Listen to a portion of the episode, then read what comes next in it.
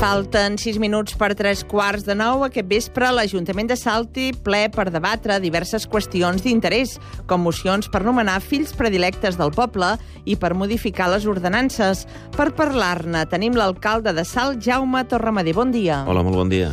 L'Ajuntament de Salt debatrà dues mocions per declarar fills predilectes de la vila el cantant i músic Adrià Puntí i la monja Clara Villoslada.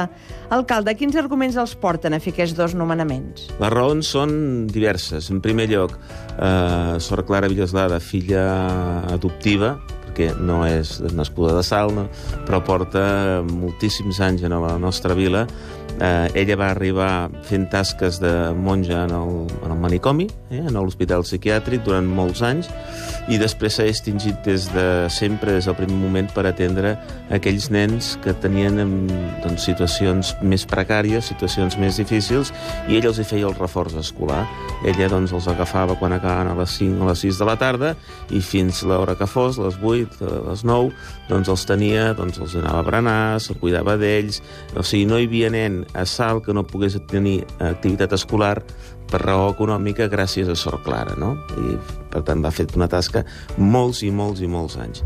I l'Adrià Puntí, eh, senzillament, jo sé que trenca motlles perquè estem acostumats als fills predilectes que són doncs, persones ja molt grans o, o força grans, amb una trajectòria impecable, amb una trajectòria doncs, de, de, des del punt de vista especialment doncs, o de servei al municipi amb tasques de, de política o amb tasques socials, etc però també existeix aquelles persones que són un geni i que te'ls trobes un cop a la vida i que no te'ls trobaràs doncs, en una població com Sal gaire més. I en Josep Puntí és un geni des del punt de vista musical. Això per un costat. Segona qüestió, ha portat el nom de Salt i el nom del veïnat arreu de Catalunya i arreu d'on ha actuat. És un ambaixador del nostre municipi. Per tant, més enllà de les perfeccions que no existeixen, eh, perquè sempre tothom pot tenir aspectes discutibles en les seves maneres de fer, les seves maneres d'actuar, s'han de reconèixer les parts bones de les persones i crec que aquesta és una, és una manera de fer-ho.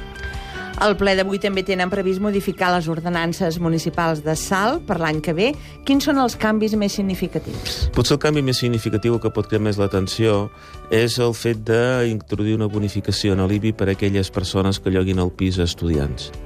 Jo ho dic d'una manera molt senzilla. A Salt hem aconseguit una cosa molt difícil, i és que les universitats creguin en Salt i s'hagin situat físicament l'edifici, les aules, les classes a Salt. Però no hem aconseguit encara una cosa, i és que els estudiants que, que venen a estudiar a Salt facin vida a Salt. El que transforma realment un municipi, aquell eh, caire de que es converteix en una vila universitària, no és la presència de l'aula, és la presència de l'estudiant fent 24 hores vida a Salt. I per tant nosaltres hem d'aconseguir que visquin en el nostre municipi. Aquesta potser seria eh, la part més destacada. No hi han grans qüestions a tenir en compte, no es modifiquen escombraries, ni cotxes, ni IBIs per pujar-los, sinó aquest com a rebaixa, ni impost de construccions, tot això queda absolutament igual.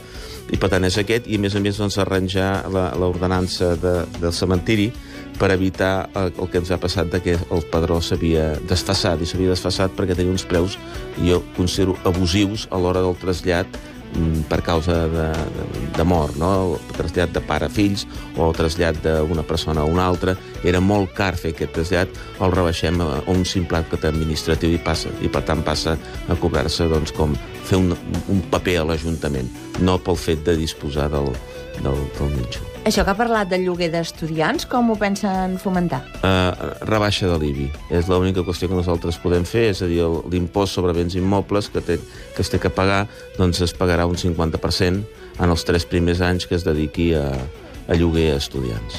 Divendres va començar una vaga dels treballadors de la deixilleria de Sal, que depèn del Consell Comarcal. Com els afecta i mentre dura els veïns què han de fer? Bé, eh, els veïns hauran de tenir una mica de paciència. Jo crec, crec que duri massa aquesta vaga. Les raons jo crec que no són, almenys fonamentalment, no són econòmiques, són d'un altre tipus. Són raons, doncs, sembla que més aviat de tipus de tracte. Jo crec que s'acostaran posicions molt aviat i que no durarà gaire aquesta vaga. Té constància que hi ha negociacions, per ha, tant. S'està parlant i s'està tractant d'arribar a un acord. Sobre altres temes municipals, després de l'exigència de l'Ajuntament de Sala a finals de setembre, es van reprendre les obres de la nova mesquita del polígon industrial de Torremirona. Com van? Es compliran els terminis previstos? No, els terminis no es compleixen perquè ja s'ha tardat excessivament, no? Quan una obra es posa en marxa, jo entenc que es posa en marxa per acabar-se o almenys arribar fins al moment en què es lliuri a l'ús públic al que està destinat. No? En aquest cas, doncs, nosaltres el que desitgem també per alliberar altres espais.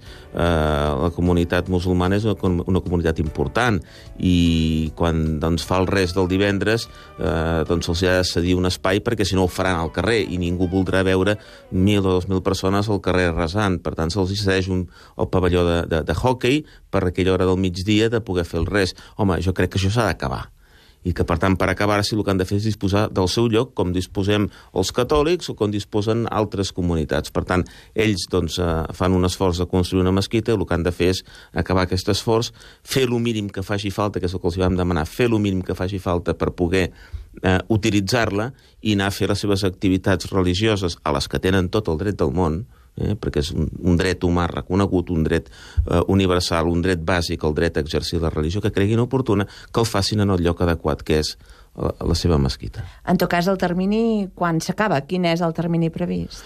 Eh, nosaltres tenim el compromís verbal per part d'ells que en un plaç de quatre mesos aproximadament podria estar acabada i posada en funcionament no del tot, però sí lo suficient com perquè es pugui donar el vistiplau des, de, des dels serveis de l'Ajuntament que allò és apte per ser usat. Jaume Torremadé, alcalde de Sal, gràcies. A vosaltres, moltes gràcies. Bon dia. Bon, bon dia.